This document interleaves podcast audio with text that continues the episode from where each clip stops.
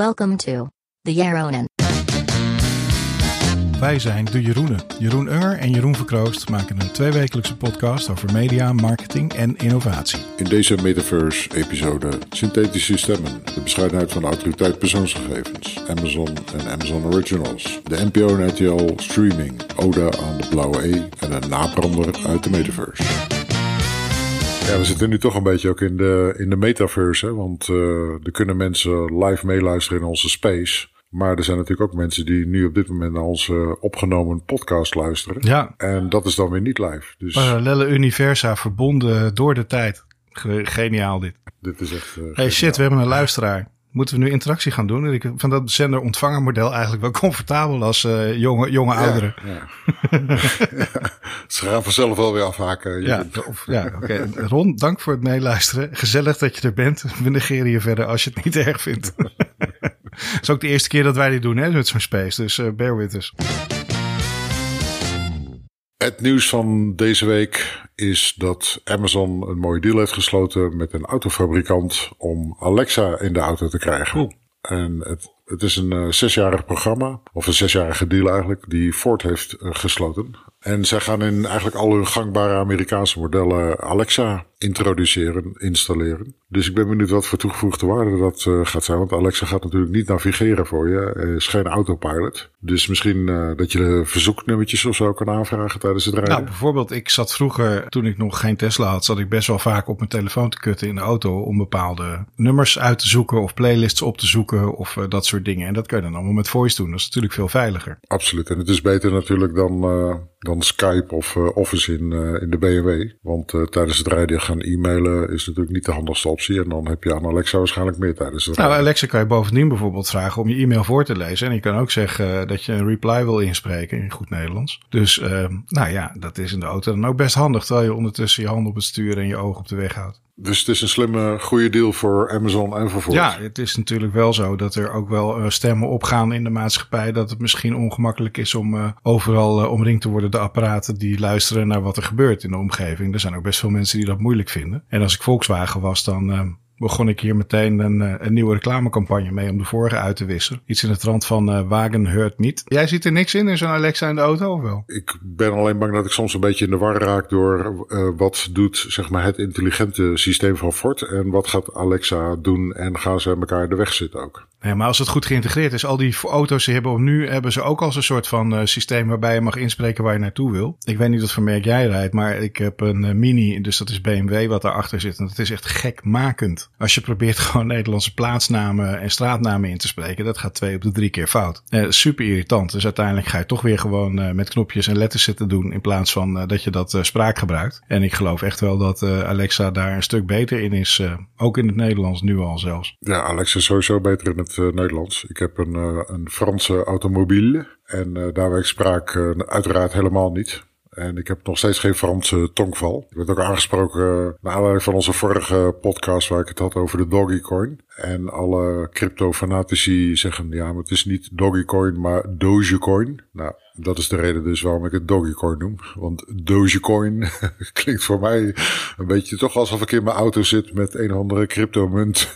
en een van twee gaat het begeven. En daar kan je dan misschien uh, een Citroën mee kopen. Uh, de Dogevo.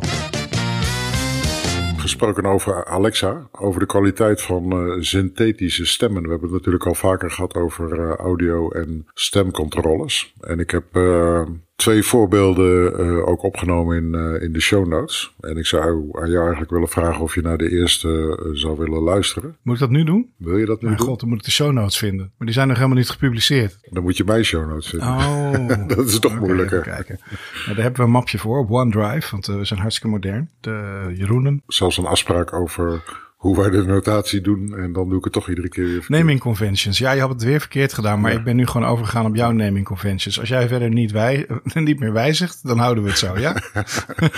Ja, maar ik heb het, uh, ik heb het nu weer omgedraaid conform jouw naming conventie. Arg, dus uh, ik denk niet dat we hier ooit uit gaan komen.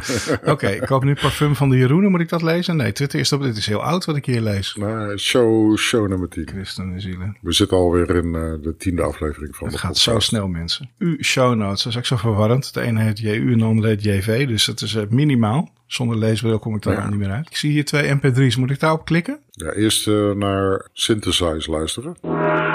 Welkom bij de Jero Ene. We gaan het vandaag hebben over synthetische stemmen. Klinken deze als een stem in de metro die een volgende halte aankondigen of is de kwaliteit beter en natuurlijker? Wat vind jij Jeroen? Uh, nou, beter en natuurlijker. De intonatie is altijd een ding. Hè? De uitspraak gaat best aardig, alhoewel ik de Jero 1 wel een beetje jammer vind. Maar dit is nog echt de, laten we zeggen, de jaren 2015 qua voice, uh, synthetische voice. Daarnaast heb ik een ander bestand staan en uh, dat was naar aanleiding van een persbericht. Dacht ik, ik ga kijken of er tegenwoordig ook betere, uh, mooiere text-to-speech synthesizers zijn. En nu moet je ook even naar die andere luisteren. Welkom bij de Jeroenen. We gaan het vandaag hebben over synthetische stemmen. Klinken deze als een stem in de metro die een volgende halte aankondigen, of is de kwaliteit beter en natuurlijk? Wat vind jij, Jeroen? Geniaal, alleen het laatste stukje. Wat vind jij, Jeroen? Dat is net verkeerd. Ja. Maar de rest is eigenlijk. Ze praat ook heel mooi. Met van die. Er zit tempoverschil in. Wat ze, dat is op zich een trucje wat snel gaat vervelen, denk ik. Maar in eerste instantie klinkt dat echt wel uh, sprakerig. Ik vind dat uh, niet slecht. De tweede is aanzienlijk beter. Echt veel beter, ja. En net zoals jij, zeg maar, de laatste twee woorden, die verraden nog, nog net dat dit uh, duidelijk niet een persoon is, maar een computer. En op het moment dat je dan nog een komma ertussen zet, dus voor Jeroen een komma zet, dan neemt ze weer opnieuw een pauze en dan wordt het wel helemaal goed. Dus ik was eigenlijk wel onder de indruk over dat er blijkbaar toch wel wat uh, bereikt was in de afgelopen jaren met uh, text-to-speech. En ik zie ook wel dat daar nu eindelijk beter gebruik van gemaakt kan worden. En als je kijkt naar de, de WAV-files, de golfpatronen van de twee synthetische stemmen, dan zie je eigenlijk bijna een vergelijkbaar patroon, behalve dan dat de tweede stem iets meer uh, rondere golven heeft en uh, meer tijd uh, in beslag neemt. Ja. Dus iets meer uitgerekt is en het langzamere tempo is natuurlijk veel beter. Waarbij de eerste stem inderdaad toch echt het gevoel hebt dat de volgende halte van het metrostation wordt uh, aangekondigd. Ja. En dat is inmiddels wel voorbij. Ja, de reden en de aanleiding een beetje dat ik aan het kijken was naar synthetische stemmen is omdat ik uh, het nog steeds niet kan verkroppen dat uh, Descript, de coole tool waar we het al eerder over gehad hebben, niet uh, Nederlandse taalondersteuning heeft. En ik heb er nu eentje gevonden die wat obscuurder is, maar die is wel veel beter. Dat is namelijk een tool waarbij je een audiofile kan uploaden. Die gaat en de Nederlandse taal erbij zetten. Maar die doet nog veel meer, want je kan hem ook echt in het Nederlands editen.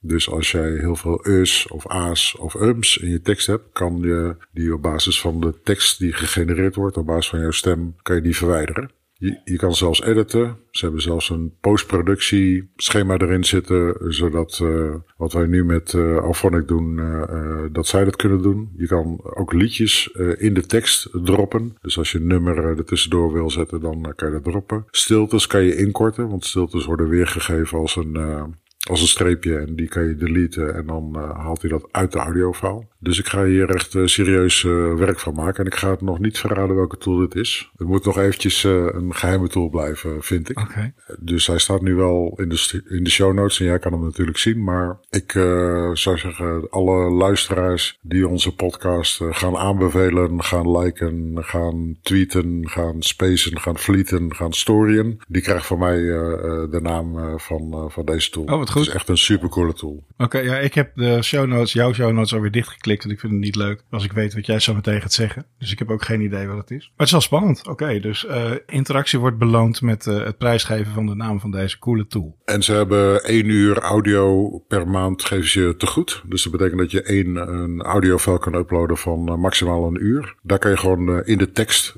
gaan editen. En als je de tekst edit, edit je ook de audio. Nou, het klinkt super eigenlijk. Ik ben heel benieuwd.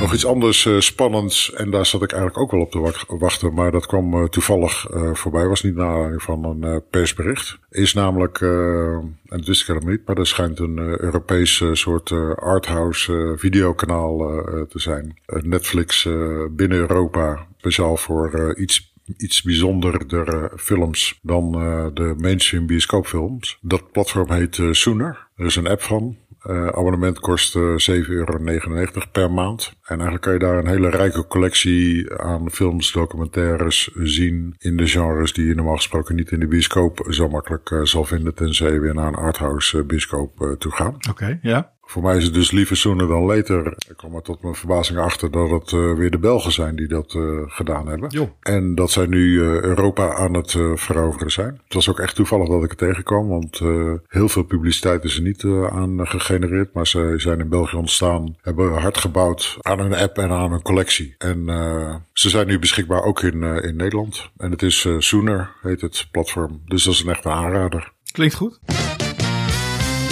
Kan jij je herinneren dat we een paar weken geleden gesproken hebben over de autoriteit persoonsgegevens in deze podcast? Volgens mij hebben we het daar wel meerdere malen over gehad. Het was begin april en toen hebben we ons een beetje vrolijk gemaakt om het feit dat Aleid Wolfsen, de baas van de autoriteit persoonsgegevens, zijn budget graag wilde verhogen. Wij konden ons toen niet echt veel wapenfeiten herinneren van de AP en vonden dat er nogal pittige wens om gelijk maar het budget maal drie te doen toch al vrij stevig was. Uh, vooral omdat de onderliggende redenering namelijk was, we hebben meer mensen nodig om het aantal datalekken terug te dringen. Maar helaas werd dat door de Kamer beoordeeld als onvoldoende onderbouwd. En ook volgens KPMG ontbrak de data om dat hard te maken. Wat ook wel geestig was. Fijn. De vurige wens van Aleid was destijds om het budget van de AP van 22 miljoen naar 66 miljoen te brengen. Enfin, deze week, een maand later, heeft de AP een position paper naar de informateur gestuurd. Die zal ik inlinken eh, op onze show notes. Is die heel erg uitgebreid? Nee, zes pagina's, valt goed mee. Oh. Wat denk je dat erin stond? Dat er niet zes keer zoveel budget nodig is, maar honderd keer zoveel budget. nou, ze willen wat ze nu hebben, 22 miljoen. Inderdaad, de wens om uh, naar 66 miljoen te gaan hebben ze gewijzigd. En in de position paper vragen ze nu om 100 miljoen. Dus in plaats van maal 3 hebben ze nu gewoon maal 5 gedaan. Want, logica, vergelijkbaar met andere Nederlandse en, nog meer motivering, alleen dan kan Nederland verantwoord economisch blijven groeien en verder digitaliseren. Tenminste, dat schrijft de organisatie. En ze zeggen Nederland kan dan de voortrekkersrol vervullen die bij ons past als een van de meest gedigitaliseerde en innovatieve landen ter wereld. er is dus kennelijk een randvoorwaarde om meest gedigitaliseerd en innovatief te zijn. En dat is dat je geld uitgeeft aan het gewenste doel, namelijk 470 FTE-ambtenaren bij een toezichthouder. Wat ik me dan vooral afvraag is hoe deze 470 ambtenaren de wereld precies gaan helpen digitaliseren en innoveren. Snap jij dat? Ik denk dat die ambtenaren eerder tegen digitalisering gaan zijn. ja, het is toch kennelijk keihard nodig om 470 FTE in, uh, ergens in de buurt van Rijswijk uh, in een gebouw te duwen. Want anders uh, kunnen we kennelijk niet die voortrekkersrol vervullen die bij ons past. Nee, volgens mij lopen we echt in de achterhoede en zullen we nooit in de voorhoede gaan lopen. Dat ga je ook niet oplossen met 470 ambtenaren. Ja, ik kan nu al niet wachten op de volgende nota of beleidsnota. Ik ben heel, veel, heel erg benieuwd naar welke factor we de volgende keer gaan kijken met betrekking tot de budgetwensen van de AP. Maar dit is een uh, mooie continuerende saga die we, die we zeker voor onze luisteraars op de voet gaan volgen. Maar als je nu informateur bent en alle belangenclubjes binnen en buiten de overheid, de semi-overheid, et cetera, sturen allemaal hun wensenpakketje op, dat ga je toch niet allemaal lezen? Ik neem aan dat je als informateur dat je dat allemaal uh, bij elkaar voegt, optelt en dan kijkt hoeveel geld de nieuwe regering nodig heeft. of heb ik nog niet begrepen wat een informateur doet? Dus vandaar dat onze rijksbegroting in de afgelopen tien jaar eh, verdubbeld is van 150 naar 300 miljard euro. Dat zou zomaar de reden kunnen zijn. Misschien moeten we de informateurs afschaffen, want die zijn gewoon veel te duur. Ja. Kost allemaal geld.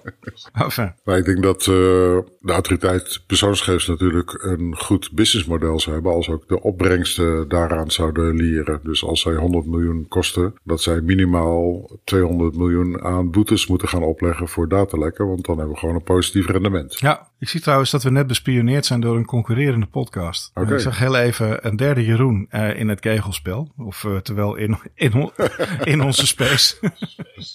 en dit is de Jeroen die je kent van uh, de beroemde podcast Wat schaft de podcast? Dat is nou echt een podcast waar wij een voorbeeld aan kunnen nemen. Want die zijn met bescheiden middelen, namelijk ook een Jeroen en voornamelijk wat keukens en, en nog een sidekick. Zijn die erin geslaagd om vele malen grotere podcast in het Nederlands taalgebied neer te zetten dan wij. Dus een kleine shout-out naar Watschaf de podcast. En mocht je van eten houden of graag mannen willen horen praten over eten, dan is dat ook een hele leuke podcast. Jeroen, bedankt voor het meeluisteren. Hij is alweer weg. Hij schaamt zich denk ik een beetje. Ja, ik denk dat we toch gewoon te gewoon zijn. Uh, Jeroenen, mannen die over technologie en media praten. Dat is niet bijzonder genoeg. Je moet natuurlijk over eten of over vogelspot uh, praten. Dat uh, schijnt het heel erg. Ja, dat schijnt een vrij populaire podcast te zijn. Maar dit was dus een klein beetje bedrijfsspionage in de metaverse, begrijp ik. Exact, ja. Ja, of laten we het warme belangstelling noemen. Laten we het warme belangstelling noemen. Maar ik ben toch, uh, toch wel blij verrast door alle interactie die er nu al is uh, in de Twitter Space uh, van de hier. Onze space kan nog heel groot worden. Ja, we hebben het natuurlijk al net even gehad over Sooner. En we hebben het in een eerdere aflevering natuurlijk gehad over de ondergang van Netflix in de komende twee jaar. Op basis van wat Amazon aan het doen is, Disney Plus aan het doen is, et cetera. En ik werd nou, ik zeggen, enigszins eh, verrast dat er nu zelfs televisiereclames gemaakt worden. Dat Amazon Prime namelijk een Amazon Original heeft uit Nederland, namelijk de film De Oost. Ja, Zag ik. Daar is nogal wat uh, publiciteit uh, gekomen rondom die film. Uh, politiek beladen, want sommige mensen hebben geschreven dat het een soort white savior film is. Dus waarin de slechte witte man uiteindelijk toch de goede witte man blijkt te zijn. Nou, dat vind ik niet een belangrijk onderwerp. Ik vond het interessant juist dat het, dat het gepresenteerd werd als een Amazon Prime Original. En ik begrijp natuurlijk wel. De producenten kunnen natuurlijk de bioscoop nu nog niet voluit uitrollen in de bioscopen. En nou ja, Amazon heeft enorme behoefte aan content. En ik vind het dan wel bijzonder dat ze ook in een relatief klein land als Nederland natuurlijk uh, zo'n grote filmtitel scoren. Ja, maar Amazon geeft echt heel veel geld uit aan content. Hè? In uh, elk land waar ze echt actief zijn en gewoon marketing doen, doen ze dit. Uh, en contentinvesteringen renderen natuurlijk heel erg lang, want dat blijft altijd onderdeel van je library of uh, in veel gevallen voor een, voor een zeer flinke tijd. Maar wat je ook ziet is dat Amazon niet alleen geïnvesteerd heeft in de aanschaf van deze film. En volgens mij is deze niet zozeer door Amazon verzonnen of besteld, maar gewoon aangeschaft omdat hij beschikbaar was. Maar wat je ziet dat Amazon daarnaast doet, is ook heel Nederland volhangen met abris om heel Nederland te vertellen dat je dit nu kunt kijken op Amazon. Zo'n rondje abris, dat kost in goede tijden 6 ton aan euro's. Maar goed, dat is tegenwoordig, uh, aangezien er iets met, uh, met crisis en mensen buiten en zo, is dat aanzienlijk goedkoper. Maar dat je ziet dat Amazon toch ook een paar ton verspijkert aan een campagne om heel Nederland vol te hangen met billboards en, en abris voor het feit dat zij originele Nederlandse content hebben. Daaraan kun je zien dat zij nu langzaam maar zeker vinden dat het product Amazon.nl goed genoeg is om er ook actief promotie voor te gaan doen. Dat hebben ze tot nu toe eigenlijk nauwelijks gedaan. En dat is slecht nieuws voor bol.com. Want uh, dat deze strategie werkt, dat is al in genoeg landen bewezen. Dus Amazon heeft een bod uitgebracht van 9 miljard eh, dollar voor de bibliotheken van MGM eh, Studios. En MGM heeft natuurlijk een knijter van een verwachte hit nog steeds op de planken liggen. Namelijk uh, de nieuwste James Bond film die niet uitgebracht is uh, in de bioscopen. Steeds weer uitgesteld werd. Omdat we natuurlijk in een coronacrisis zitten en de meeste bioscopen gesloten zijn. Daarnaast hebben ze nog uh, 4000 andere titels. Waaronder ook series als The Handmaid's Tale. Wat toch ook al een, best wel een knaller successerie was. En ik zie het nu al natuurlijk gebeuren dat Amazon Prime al deze titels natuurlijk exclusief alleen op Prime Prime uh, gaat uh, aanbieden. En voor Prime leden. Ja. Dus ik verwacht een behoorlijke versnelling. De Handmaid's Tale zit nu nog op Videoland. Hè? Dus dat is dan ook weer een, een dingetje. Maar goed, het is seizoen 4 ook al. dat schijnt best wel groot te zijn. Ja, ik vind het zo naar. Ik kan er niet naar kijken. ik hou toch iets meer van gezellige dingen. Zou de, de, zo'n film als James Bond uitkomen op, op Amazon First dat gaat echt wel een ding zijn hoor. Maar goed, op zich, um, wat ik nu eigenlijk vooral wil weten is Dune, de nieuwe versie van de film Dune. Is dat ook van de MGM? Want daar zit ik gewoon al een jaar op te wachten. Die hele James Bond, eh, die laat me eigenlijk vrij koud. Maar, uh... ik, uh, ik zat vooral op oude films uh, te wachten. Dus, ik... Jij bent meer het Gone with the Wind type. Ik ben nog steeds aan het wanhopig aan het zoeken steeds van... Oké, okay, wordt de Godfather-serie en andere films van Francis Ford Coppola... worden die dan niet een keertje opgesnaaid door een bepaalde betaalzender? want dat zou ik echt zonde vinden. Maar gelukkig Paramount is de eigenaar van de Godfather-series. Um, dus die blijven gelukkig nog op dit moment uh, onafhankelijk. Alles onafhankelijk natuurlijk uh, relatief begrip. In Amerika is er sowieso natuurlijk een behoorlijke slag aan de gang op dit moment. Want iedereen is bezig met content. Ook AT&T, de bekende telefoonmaatschappij in Amerika, die hebben natuurlijk Discovery overgenomen. Die ook een behoorlijke set natuurlijk aan televisiezenders hebben. Ja. Alleen, ja, de combinatie tussen een telefoonmaatschappij en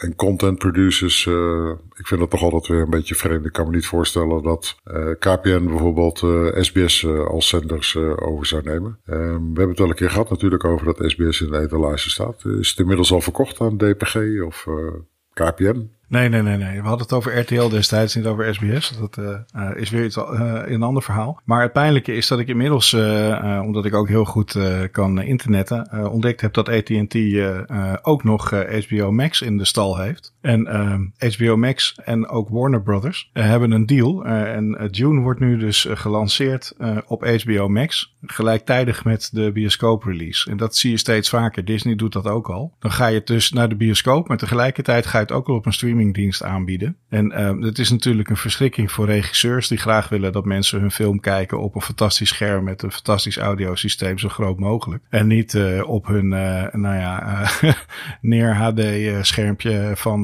2012 thuis, terwijl ondertussen de kinderen lopen te krijgen. Dat uh, doet toch wel iets met de kunstvorm. En het bedreigt ook wel degelijk het voorbestaan van de bioscoop op lange termijn. Want ja, als je keuze moet maken om uh, eh, 50 euro te betalen om met z'n vieren naar een film te gaan. En dan ook nog een keer 30 eh, euro aan popcorn en cola kwijt te zijn. Of je kijkt dan toch maar thuis op de streamingdiensten die je al betaald hebt. Ja, dan denk ik dat dat voor de bioscopen niet heel gunstig uit gaat pakken. Maar als HBO Max June gaat uitbrengen, wat wordt de Nederlandse representant dan? Dat, volgens mij zit HBO Nederland via Ziggo, toch? Bij de kabelboeren. Ja, dat klopt. Maar je kon een, een, een tijd lang een echt HBO-abonnement afsluiten, maar dat is niet meer zo. Uh, dus uh, nou, dit soort dingen is ook volop in beweging, hè, die wereld. En je zegt nu van ja, het is gek dat AT&T erin investeert. Maar ja, KPN heeft natuurlijk gewoon ook een heel televisieplatform. En dus op die uh, basis ook gewoon iemand uh, of een partij die contentrechten inkoopt van bijvoorbeeld de eredivisie en daarmee uh, stunt en market om mensen aan zich te binden. Dus ja, die gedachte van content die is niet zo vreemd en die zie je ook in Nederland gewoon. Het is nooit een gelukkig huwelijk geweest in die zin dat zij het nooit als een Netflix of als een Prime of als een Disney Plus of als een videolandachtige dienst in de markt hebben gezet. dus het zit vaak wel op een zender achter een soort PPU's betaalknop. Ja. Maar het is nooit uh, een app op je telefoon uh, geworden, wat toch eigenlijk ook wel de standaard uh, tegenwoordig moet zijn. Nou ja, je krijgt dan bij KPN is natuurlijk de bedoeling dat je interactieve tv van KPN neemt. En dat kun je dan vervolgens ook weer op je telefoon consumeren via de app die daarbij is. Nu we het toch over streaming hebben, Jeroen. Ik dacht, laat ik even in de, in de cijfers duiken over uh, streaming in uh, Nederland. En dan uh, wil ik even de Amerikaanse partijen buiten beschouwing laten, maar het hebben over NPO en RTL vooral. Dus ik was allereerst op zoek gegaan naar het jaarverslag van de NPO. Van vorig jaar is nog niet vrijgegeven. je moet het op dit moment, en het is nu bijna half 2021. Je moet het nu doen met het jaarverslag van 2019. Dat is al een eerste teleurstelling, laat ik zeggen. Het jaarverslag is ook niet heel erg informatief over wat nu precies de doelstelling is van de NPO, et cetera. Je kan wel uh, natuurlijk uh, vanwege de transparantie goed zien wat iedereen uh, verdient. dus de baas van de NPO, Shula Rijksman, die krijgt rond de 2 ton aan jaarsalaris. En uh, de spekkoper is natuurlijk de accountant die het jaarverslag moet goedkeuren. die vragen gerust 176.000 euro voor de goedkeuring van het jaarverslag. Oh, en de jaarrekening. Dat geld wil ik hem ook goedkeuren. Dan moet je wel een paar, uh, paar weken lang in de spreadsheet zaken. Overigens is de termijn van Shula is uh, verstreken. Hè? Die moet opgevolgd worden. Dus ik weet niet hoe het zit met jouw ambities. Je hebt tenslotte een relevante studie gedaan. Dus je kunt je melden voor die twee ton. Ik ben vrijwilliger. Ik ben vrijwilliger. ik denk dat je je moet melden, eerlijk gezegd. Maar... oh. ja, ze zoeken ook nog iemand voor de raad van bestuur, want uh, een van de leden van de raad van bestuur, uh, zijn termijn zit er ook op. Aardevergoeding van 25.000 euro per jaar, dus Jeroen, ook een kans voor jou om je aan te melden. Jongens, um, nou ja, je hoort het hier het eerst. Alle snabbels die flink verdienen, komen langs bij de Jeroenen. Deze podcast levert geld op, mensen. Maar laten we het even over de cijfers uh, hebben. Ja. Hebben ze wat verdiend bij de NPO? Oh nee, wacht. Naarmate de cijfers meer uh, voorgelezen worden ten opzichte van RTL, uh, worden plaatjes steeds duidelijker. Dus uh, algemeen bekend, Nederlandse publieke omroep kost ongeveer 900 miljoen euro. En hun wapenfeiten zijn vooral dat ze de bezuinigingen hebben weten te beperken tot een minimum. Inkomsten daarentegen zijn maar 140 miljoen euro. Laten we zeggen dat ze een netto verlies hebben van rond 80 procent. De inkomsten van NPO Plus, wat natuurlijk hun uh, betaalde uh, streamingdienst is, al kan je het niet echt zo noemen. Het, gaat meer om dat je langere termijn uh, terug kan kijken van programma's. Je kan programma's opnemen, et cetera. Ja. Het heette eerst ooit heette het NPO Start Plus. Maar omdat het voorhand werkt natuurlijk met NPO Start, heet het nu uh, NPO Plus. En uit de cijfers heb ik uiteindelijk kunnen destilleren, want uh, er wordt natuurlijk niet te veel gesproken over hoeveel mensen dan daadwerkelijk zo'n abonnement hebben genomen. Dat ze ongeveer 400 tot 450.000 abonnees hebben. Echt? Op uh, NPO Plus. Ja. A 2,95 euro per maand. Dan kom je uit op een bedrag van ongeveer 14 miljoen euro. Maar dat vind ik echt wel veel. Wat vind jij? Vind je dat veel of, uh, of niet? Ben ik nou vreemd? Ja, ik vind het, uh, vind het veel. Want ik zie de toegevoegde waarde niet zo van uh, plus. Hè, dat je een televisieprogramma van een jaar geleden terug kan zien. Of een televisieprogramma kan opnemen om het later weer terug te kijken. Of s'avonds om tien uur nog eventjes terug te kijken wat er om acht uur uitgezonden is. Ja, maar luister, het, het wordt pas interessant na twee weken. Of daarna na een dag of vijf. Want anders kan je dat gewoon sowieso op het je kabelnetwerk überhaupt wel terugkijken. Dingen opnemen kan je over het algemeen ook met je decoder als je één keer 150 euro betaalt voor een goede. Dus um, en het enige voordeel is dan dat dingen die meer dan vijf dagen oud zijn, dat je die dan terug kan kijken. Maar alleen als ze ook van de NPO zijn en als de NPO daar nog steeds de rechten voor heeft. Wat natuurlijk ook in een heleboel gevallen niet zo is. Want als zij bij het Uur van de Wolf een mooie documentaire uitzoek, uh, uitzenden, dan hebben ze die rechten ook niet tot Sint-Jutemus afgekocht, maar bijvoorbeeld voor een periode van een aantal weken of een aantal maanden. En daarna is hij even goed weg. Dus je koopt in feite van het hele televisieaanbod alleen maar van de publieke zenders een deel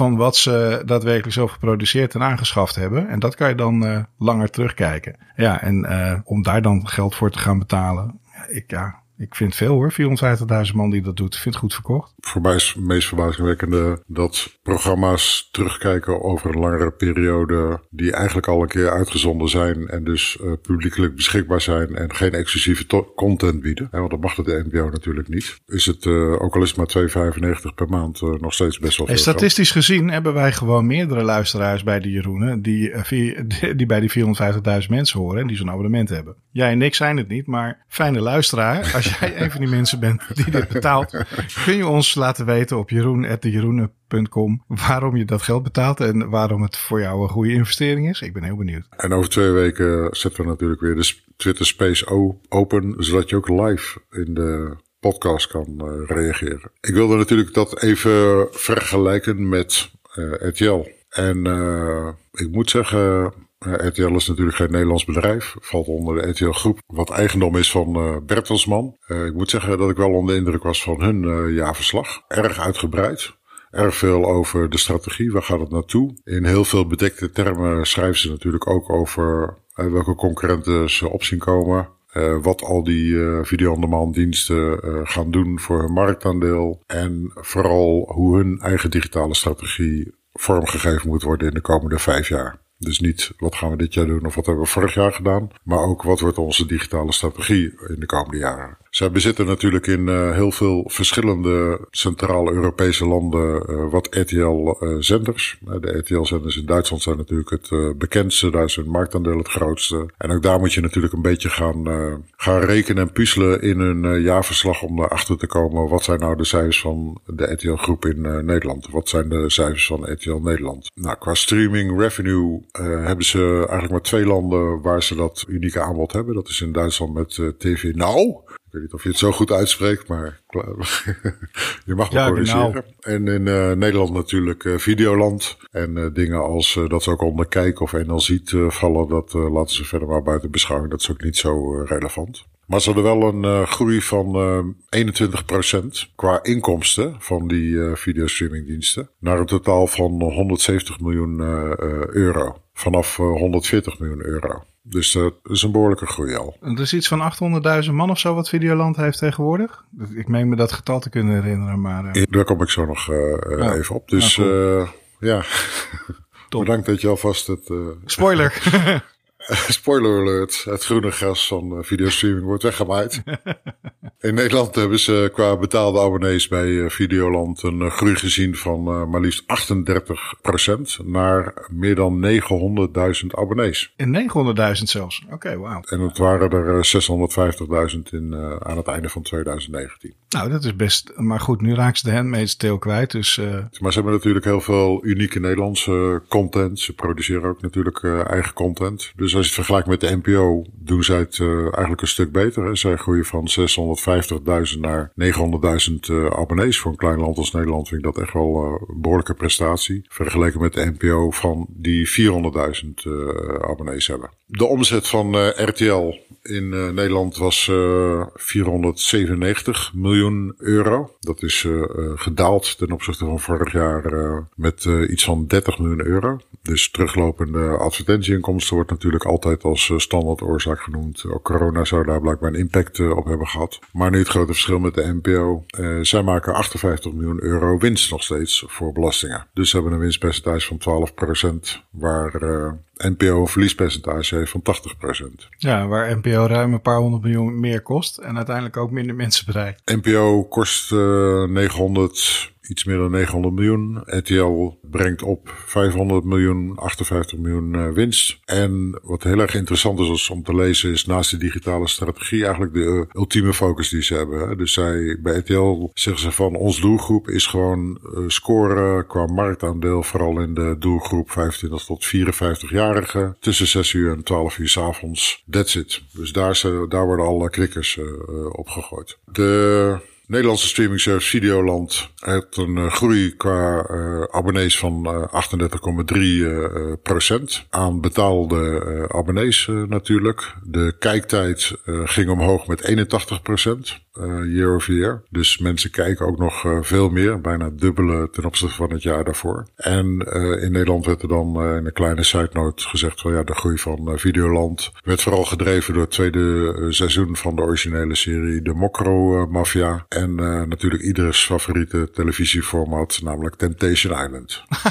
Nou, ik heb de Mokro Mafia heb ik gezien. Dat is echt wel goed gemaakt. Dat is echt wel klasse. Maar met twee titels uh, zo specifiek genoemd. Ik vraag me dan af, uh, beklijft dat? En uh, je moet blijven scoren en je moet blijven vernieuwen. Anders hebben mensen op een gegeven moment uh, van die quotes paraat als ik heb Netflix uitgekeken. Krijg je straks, ik heb Videoland uitgekeken en dan raak je ze ook weer kwijt. Maar het is wel een grappige vergelijking die je maakt. Then again, de publieke omroep heeft natuurlijk een totaal andere taak. En die moeten ook wel verplicht alle doelgroepen in de samenleving bereiken. En nog op bepaalde manier ook gecompartimenteerde content daadwerkelijk naar die doelgroepen toebrengen. Dus die kunnen niet makkelijk scoren met dingen die iedereen leuk vindt die moeten ook allerlei moeilijke dingen die niet zoveel mensen leuk vinden en dingen voor hele specifieke doelgroepen allemaal programmeren. Dus ja, het is ook niet helemaal eerlijk om dat vergelijk zo te maken, toch? Ja, dat is een beetje te kort. Ik denk dat als je 2 miljoen euro per dag eh, kan uitgeven voor drie televisiezenders en je in de tussentijd uh, podcasts gaan het subsidiëren bent, uh, dus oneerlijke concurrentie voor ons in de markt aan het zetten bent. nee, nee, dat is een beetje flauw. Maar ik, afgelopen week werd ik wel doodgegooid en tot irritatie toe doodgegooid met advertenties van de NPO voor het Eurovisie Songfestival. Dan denk ik van ja, dat is echt zonde van het geld. Ik denk dat uh, de relletjes van de afgelopen week, dat uh, de NPO vooral meer jongeren aan zich wil trekken met lineaire televisie. ja, ja, en daarvoor uh, programma's wil laten vallen of inkorten of verkorten, et cetera. Ja, volgens mij heb je dan nog niet echt een hele goede strategie. En dat blijkt gewoon ook uit het jaarverslag. En zoals ik zei, RTL Groep is laserfocus van dit is onze doelgroep. Ja, het is nog vrij uh, breed, hè, 25 tot 54-jarigen. Maar ze hebben een duidelijke focus. Ze weten hoe ze marge moeten drijven. Ze zien dat uh, digital uh, en streaming gewoon de markt gaat overnemen. Ze willen groeien naar een marktaandeel van 30% op streaming in uh, 2025. Ja, dan denk ik van, ja, dan doe je het goed. Want je maakt ook nog netto winst gewoon. Dus het kan blijkbaar wel, ook al heb je daar zenders tussen zitten als een RTL, wat is het, 7, 8, 9, Z, et cetera. Nou, maar die verdienen wel geld hoor, want de content voor die zenders is niet zo duur. Er zitten best veel output deals in uh, met content die in grote hoeveelheden aantrekkelijk geprijsd ingekocht wordt. En er zit een flinke hoeveelheid reruns zitten daarop. Dus uh, weet je, dat is uh, toch wat anders dan een zender als RTL 4 waar je dat journaal ook voor moet produceren. Dat kost dus echt geld. Maar goed. Nou, dus in feite doen ze het heel slim, hè, want ze zeggen ook duidelijk van ja, wij, onze big bet is gewoon RTL 4. Daar pompen we het meeste geld in, want we willen gewoon dat marktaandeel van die 30% in die leeftijdsdoelgroep halen. En als je dan kijkt naar de omzet van uh, Videoland. dus 900 abonnees a 5 euro per maand is ongeveer 54 miljoen uh, per jaar. En een winstpercentage van rond de 30 procent. Dat betekent gewoon nu al dat Videoland gewoon echt wel hele mooie zwarte cijfers schrijft met een winst van ongeveer 16 miljoen uh, euro per jaar. Daar staat natuurlijk tegenover dat hun totale omzet gezakt is met 30 miljoen afgelopen jaar. Waar video enorm aan het stijgen is qua omzet. Dus bijna op 10% van de totale omzet uh, vormt. Dus waarschijnlijk zijn de advertentieinkomsten natuurlijk nog veel harder aan het teruglopen dan die 30 miljoen per jaar. Nee, maar dat is natuurlijk ook corona. Hè. Kijk, wat er gebeurde met corona was in eerste instantie dat, dat mensen en bedrijven door hadden dat er een crisis was. Uh, een heel deel van de bedrijven uh, niet meer kon leveren of überhaupt niet open was en dus niet meer adverteerde. Een ander deel van de bedrijven zich een hoedje schrok en dacht, uh, wat gaat dit betekenen? We hebben geen idee, maar het eerste wat we gaan doen is even alle kosten waar we op de pauzeknop kunnen drukken, maar even op de pauzeknop drukken. En dan is marketing altijd first against the wall. Dan ben je meteen aan de beurt en dan wordt er geroepen, stop maar met die plaatsingen en we doen even niks. en dat voelen televisiezenders natuurlijk ook heel erg. En in de tweede helft van het afgelopen jaar is dat al behoorlijk gecompenseerd. Uh, en als je de reclameblokken ziet, dan zie je ook wel waardoor. Want je ziet dat er veel meer e-commerce en technologiepartijen heel hard zijn gaan adverteren. Omdat die doorkrijgen dat hun moment nu was aangebroken. en uh, ja, van de Amazons van deze wereld tot en met uh, allerlei thuisbezorgd-achtige dienstverlening. Ja, dat is natuurlijk door het dak gegaan. Dat heeft voor een aardig stuk weer gecompenseerd de tweede helft van het jaar. Maar die eerste initiële deuk is niet volledig weg te poetsen daarmee. Dus hou je uiteindelijk een minnetje over. het mooie voor, en dit klinkt misschien gek, voor partij als RTL is dat er ook relatief minder mensen naar televisie zullen kijken volgend jaar ten opzichte van dit jaar. En dat klinkt gek, maar dat betekent dat er minder televisie-GRP's beschikbaar zijn. Uh, het product dat zij uh, verkopen, dat is het bereik op televisie. Dat wordt namelijk lager. En dat zorgt voor schaarste. En wat gebeurt er bij schaarste? Dan gaan de prijzen omhoog. Ja, dus grappig genoeg is het, uh, leidt het verminderen van het publiek op een kanaal wat toch populair is voor marketeers om mensen te bereiken, ertoe dat de prijsdruk toeneemt. Nou, dan krijg je in de tweede helft van dit jaar krijg je ook al de start van een uh, nieuwe tsunami aan, uh, u hoorde het hier het eerst, een tsunami aan advertising voor kansspelen op afstand, zeg ik even netjes. Want per 1 oktober gaat die markt open, waarbij iedereen thuis of op elk moment van de dag even op het toilet snel een bingootje kan leggen of een uh, sportweddenschapje kan doen of even een stukje kan pokeren of een fruitmachine kan gaan spelen. Ja, dat al die bedrijven, al de B-Wins en de, de, de Betsons en de 365 en de Jackson's Casi Jacks Casinos en de, de Holland Casinos, al die bedrijven die gaan allemaal vanaf 1 oktober ook ontzettend veel geld uitgeven om dat marktaandeel te pakken, want die markt gaat open. Dus allerlei nieuwe toetreders op het gebied van e-commerce, maar ook nieuwe sectoren die open gaan, uh, gaan ervoor zorgen dat er echt veel druk komt qua advertising in de komende periode. Dus ik denk dat je zult zien dat ze over dit jaar, 2021, weer zeer aantrekkelijke cijfers zullen kunnen laten zien op het gebied van spot bij RTL. Weet je waar ik echt een hekel aan heb? Nou, waar heb je echt een hekel aan? Als bedrijven je iets afpakken waar je een beetje van bent gaan houden. Zomaar ineens krijg je dan te horen dat een icoon komend jaar op 15 juni begraven wordt. Dat hebben ze gewoon besloten ergens op een hoofdkantoor en niemand heeft jou gebeld om te vragen wat je daarvan vindt. Ik heb het in dit geval over Microsoft dat gewoon keihard een dolk in het hart steekt van Internet Explorer. Het 25 jaar oud, eigenlijk in de kracht van zijn leven. Internet Explorer is zo'n enorm icoon dat mensen zich jarenlang afgevraagd hebben waarom het icoontje voor internet eigenlijk een E had als afbeelding in plaats van een I. Die goede blauwe E met de gouden cirkel is voor hele generaties internetters het eerste waar ze naar zoeken op het computerscherm als ze online willen gaan. Ja, ik weet ook wel dat op een gegeven moment een bepaalde zogenaamd gespecialiseerde groep gebruikers begonnen is met het demoniseren van Internet Explorer. omdat het wat langzamer zou zijn en niet zo goed gefine-tuned kon worden met allerlei nerdy scripts en extensies zoals dat Chrome dat kon. Maar of het laden van een pagina nou een halve of drie kwart seconde duurt, maakt voor normale mensen gewoon helemaal niks uit. Microsoft heeft trouwens in 2015 zelf al de opvolger voor Internet Explorer gelanceerd, genaamd Edge. Maar nog steeds gebruiken hele volkstammen gewoon hardnekkig Internet Explorer, zelfs in 2021. Niet zomaar, niet alleen maar omdat dat hetgeen is wat ze kennen en wat voor ze werkt, maar ook gewoon omdat ze een klein beetje houden van die blauwe E met die gouden rand. dat weten ze bij Microsoft trouwens ook wel. Dus wat denk je dat ze verzonnen hebben om het afscheid makkelijker te maken? Internet Explorer Mode voor Edge. Dat betekent dat je stiekem Edge gebruikt, terwijl het zich voordoet als Internet Explorer. Je reinste volksverlakkerij. Het is gewoon een beetje alsof iemand je vrouw afpakt en omruilt voor een ander exemplaar dat met wat plastische chirurgie zo vormgegeven is dat ze op een afstandje voor je geliefde kan doorgaan. Wat vind jij er nou van? Dat kan toch niet? Nee, als jij een eh, campagne gaat starten met een bepaalde hashtag, Jeroen, dan uh, zal ik het uh, meer dan 100% gaan steunen. Nee, maar even serieus, laten we eerlijk wezen. Het is toch een drama met dat marketing bij Microsoft. Zo vaak al hebben ze een iconisch merk gehad dat ze daarna stomweg weggooien en vervangen door iets anders dat niemand kent en niemand wil hebben. Waarom een, een nieuwe, betere browser ineens Edge gaan noemen? Waarom niet gewoon de naam Internet Explorer blijven gebruiken? Waarom de term MSN weggooien? Waarom Skype laten sterven? Ik bedoel, hoe relevant had Skype nu kunnen zijn? Hoe denk jij dat dat komt? Wat zit erachter? Nou, ik denk dat ze heel veel hele duur betaalde brand specialisten hebben. Die natuurlijk uh, hele goede adviezen geven. Wat een paar honderd miljoen uh, kost al om nieuwe brandnamen en uh, kleuren en opmaken en designs te maken. En dat gaat natuurlijk de bom worden. Dus ja, brand agencies zou ik zeggen. Maar dit zie, zie je ze toch bij Coca-Cola ook niet doen? Die verzinnen toch ook niet elke 15 jaar dat Coca-Cola niet meer het merk is waarmee ze hun uh, cola verkopen? Nee, ze hebben het één keer uh, gedaan in de jaren 80. Toen uh, zeiden ze van ja, Coca-Cola is niet goed we hebben een nieuwe formule en iedereen vindt die lekkerder. Nou, daar zijn ze binnen een half jaar zijn ze daarvan teruggekomen. Omdat het gewoon enorm negatief uitpakte. En ook al vonden de mensen de smaak van die nieuwe Coca-Cola beter. Mensen zijn gewoon gehecht aan een bepaalde brandname en Internet Explorer verdient beter dan dit. Nou, daar ben ik het helemaal mee eens. De tweede schande, wat uh, veel minder publiekelijk bekend is, is dat uh, Microsoft ook gaat stoppen met het aanbieden van een blockchain service op Azure. Hou jij. Nou, dat is wel een slag voor mij, ja. Ja. in persoonlijk leven. Maar waarom stoppen ze daarmee dan? Dat, eh, dat is toch helemaal hip, dat blockchain? Dat wordt toch heel groot? Dat heb ik wel eens gehoord, hier in deze podcast zelfs. Ja, blockchain uh, is uh, absoluut hip. Alleen uh, ze geven gewoon aan dat blockchain developers gewoon beter bij, laten we zeggen, meer gevestigde bedrijven in de crypto-wereld kunnen hosten. En daarom stoppen zij met hun servers en adviseren ze de klanten nu om langzaam te gaan migreren naar die partijen die er echt in gespecialiseerd zijn. Nou ja, het lijkt me een goede, maar wel in dezelfde categorie als Internet Explorer, zou ik zeggen. Maar er heeft dus iemand die best wel verstand van zaken, namelijk geld verdienen, heeft bij Microsoft gezegd. Weet je, deze niche met dat blockchain, daar verdienen we geen ruk aan. Dus uh, dat kan net zo goed uh, naar een of andere fringe partij uh, afgezonken worden. Nee, nee, nee, Jeroen. Jij ziet het weer als een kans om de blockchain te, te dissen.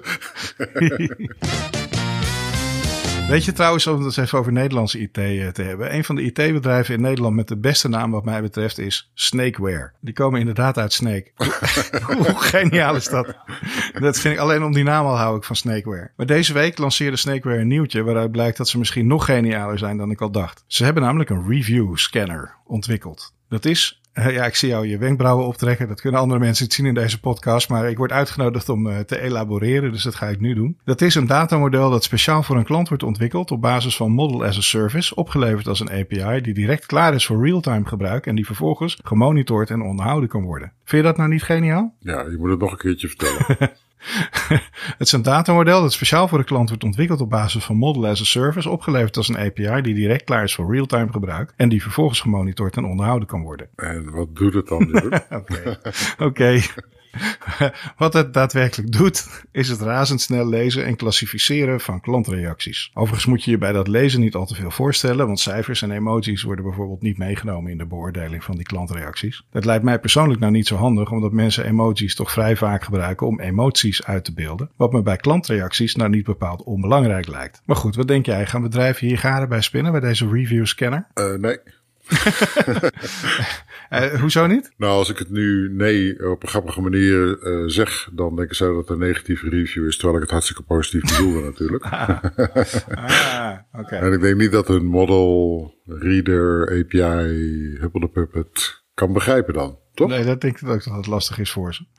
Um, nou, het bedrijf zelf lijkt het uh, heel waardevol, want zij zien voor zich dat je dankzij deze software niet langer zelf hoeft te lezen wat je klant uh, bijvoorbeeld meldde op je eigen website. Of wat, ze aan, of wat ze aan reacties achterlaten op je site of op social media.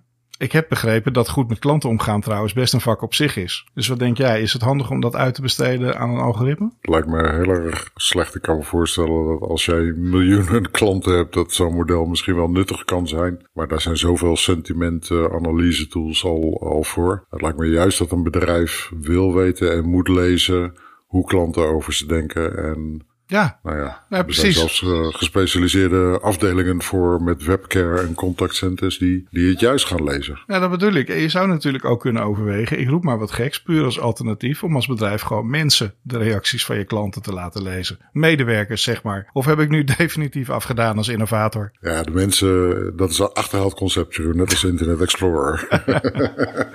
Oké, dit is de, inderdaad de podcast waarin ik erachter kom dat ik definitief eh, afgedaan heb als eh, vooruitdenker. Ja. Misschien, eh, eh, misschien ben jij wel een hologram wat op dit moment gestreamd wordt. Zelfs dat kan ik natuurlijk niet verifiëren. aan mijn teksten te horen vanuit het verleden ook nog.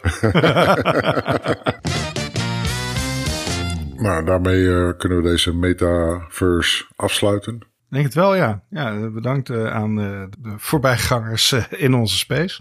Sorry voor het grotendeels negeren. Ik zag dat er iemand reageerde op een grap die we maakten met een icoontje. Dat, dat trek ik nog wel. Oké.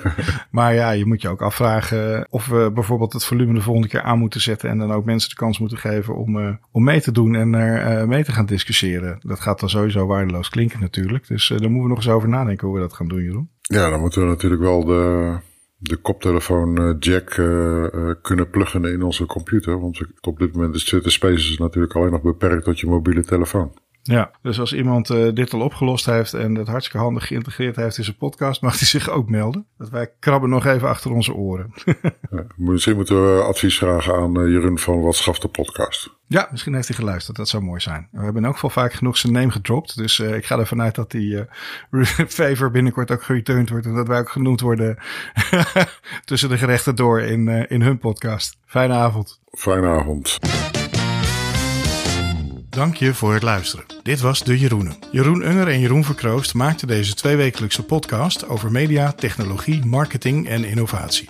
Op onze site vind je onze show notes, de links naar de artikelen die we bespreken, korte berichten in de geest van de Jeroenen en natuurlijk de links om je te abonneren, bijvoorbeeld via Spotify, Apple Podcasts of Google Podcasts. Als je ons een bericht wilt sturen, feedback wilt geven of een idee hebt voor de podcast, kun je ons mailen op jeroen.dejeroenen.com. Je kunt ons vinden op Twitter als @dejeroenen of je kunt ons een berichtje sturen via onze site www.dejeroenen.com. Wij zijn er elke twee weken. Graag tot de volgende keer.